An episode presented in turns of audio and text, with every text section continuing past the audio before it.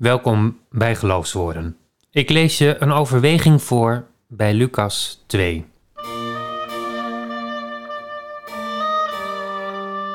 In die tijd kondigde keizer Augustus een decreet af dat alle inwoners van het Rijk zich moesten laten inschrijven. Deze eerste volkstelling vond plaats tijdens het bewind van Quirinius over Syrië.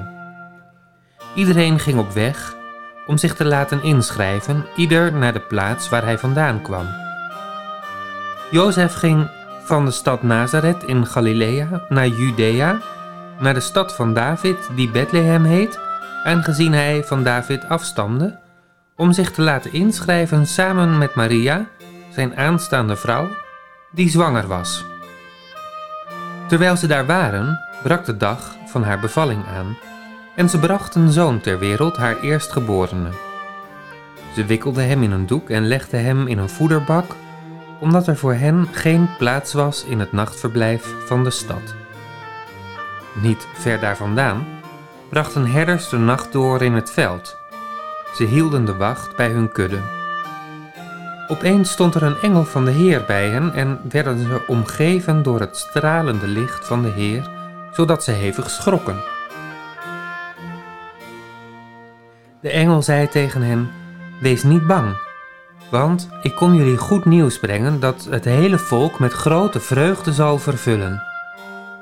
Vandaag is in de stad van David voor jullie een redder geboren.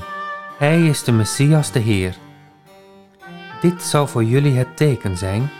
Jullie zullen een pasgeboren kind vinden dat in een doek gewikkeld in een voederbak ligt.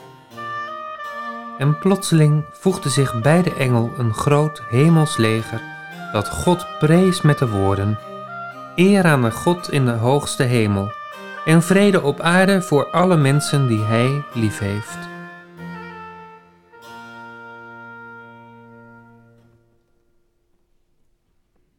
Ik las net het kerstevangelie van Lucas voor. Dat verhaal leest haast als een schilderwerk, een tafereel dat door een oude meester is geschilderd. Omlijst met een vergulde rand. Voor velen niet meer van deze tijd, het ligt daarom op zolder te verstoffen, om jaarlijks nog even te bewonderen uit nostalgische overwegingen. En zo zijn we hier haast beland bij een aflevering tussen kunst en kitsch. Vandaag wil ik het alleen omdopen tot tussen hemel en aarde. Ik vind dat ook wel een aardige typering voor een dominee eigenlijk. Ik ben gewoon de Nelleke van de Krocht van de kerk. Al presenteert zij dat iconische programma al een tijdje niet meer. Maar als geen ander kon zij zich verwonderen over allerhande prularia afkomstig uit erfenissen, curiosa van rommelmarkten en meesterwerken die gered waren uit vuilnisbakken van de buurman. Met stevast een vraag. Wanneer een expert zich er met zijde handschoentjes over had ontfermd en het had onderworpen aan een kritische kennisblik. Hoeveel is het waard? Als dan een bedrag met drie tot vier nullen genoemd is, de verbazing alom in close-up gevangen wordt in beeld, komt de vraag: wat gaat u ermee doen? Wat eerst nog ronduit kitsch was, wordt ineens een acquired taste, want weten wat iets waard is, doet stevast iets met de perceptie. Wat ik trouwens ook altijd geweldig vind, is het gevonden voorwerp waarvan niemand weet wat het precies is. Dat wat in handen kwam bij het omspitten van de achtertuin blijkt ineens een gesp te zijn van een Romeinse soldaat. Ala Nelleker van de Krocht stel ik hier dus de vraag wat we precies in handen hebben met het evangelie van Lucas. Helder is dat het een erfenis is waar we onderhand niet zo goed raad meer mee weten. Eigenlijk weten we helemaal niet zo goed meer wat evangelie überhaupt is. En wat we zien past niet zo goed meer bij ons interieur. Misschien zou het ook meer waard zijn als het minder door de tijd was aangetast en alle verfraaiingen en versieringen die later zijn aangebracht zouden worden verwijderd. De expert ontcijfert de tekst op een banier dat door twee halfnaakte en mollige engeltjes wordt vastgehouden. De hemel gaat weer open. Hoewel de titel mogelijk origineel is, blijkt het om een latere toevoeging te gaan in het schilderij.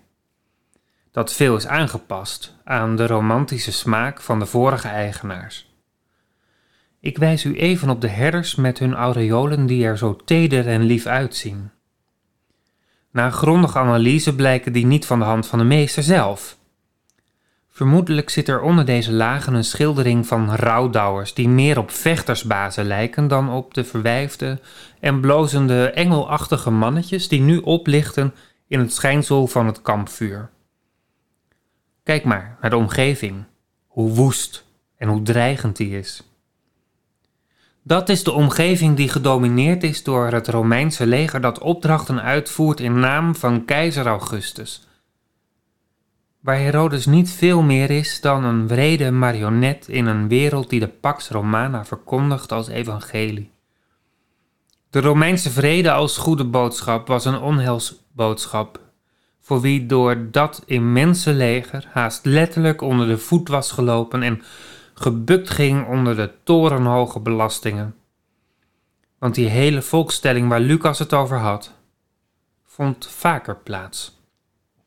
Zulke volkstellingen waren bedoeld om de belastingen te kunnen innen. Dat wat we nu als vertederende achtergrond zien, was eerder de aanleiding voor een bloedige strijd. De verfraaiingen van later datum bedekken iets, maar leggen daarmee ook iets bloot in onszelf. Herders, engelen en zelfs de ouders van de Messias zijn meer en meer gaan lijken op welvarende westerlingen. Maar daarmee kijken we weg van de actualiteit. Die was er ook dit jaar. In de maand die vernoemd is naar de keizer, die een volkstelling uitriep het was te midden van de hectiek van evacuaties uit Afghanistan. Een kind werd geboren in een oorlogsvliegtuig. Het was in die dagen dat de hemel opnieuw openging, dat een kind geboren werd in omstandigheden die verdacht veel lijken op de dagen van keizer Augustus. Ik schreef er dit gebed bij. Het geschiedde in die dagen in de buik van dat vliegmachine. Voor allen werd daar een toekomst geboren. Op veilige bodem schonk een moeder een dochter het leven. Ter nauwe nood ontsnapt aan een haatdragend regime. Zullen zij gezegend zijn onder de vrouwen? Zal er deze keer plaats zijn in de herberg misschien? Dat beeld komt opnieuw naar voren als het schilderij van de meester Lucas wordt schoongemaakt. Inderdaad, niet voor elke huiskamer geschikt. Maar hier in de kerk aanschouwen we het eigenlijk elke week. Al willen we het dan soms ook liever niet zien. En de waarde, vraagt de Nelleke van de krocht in mij.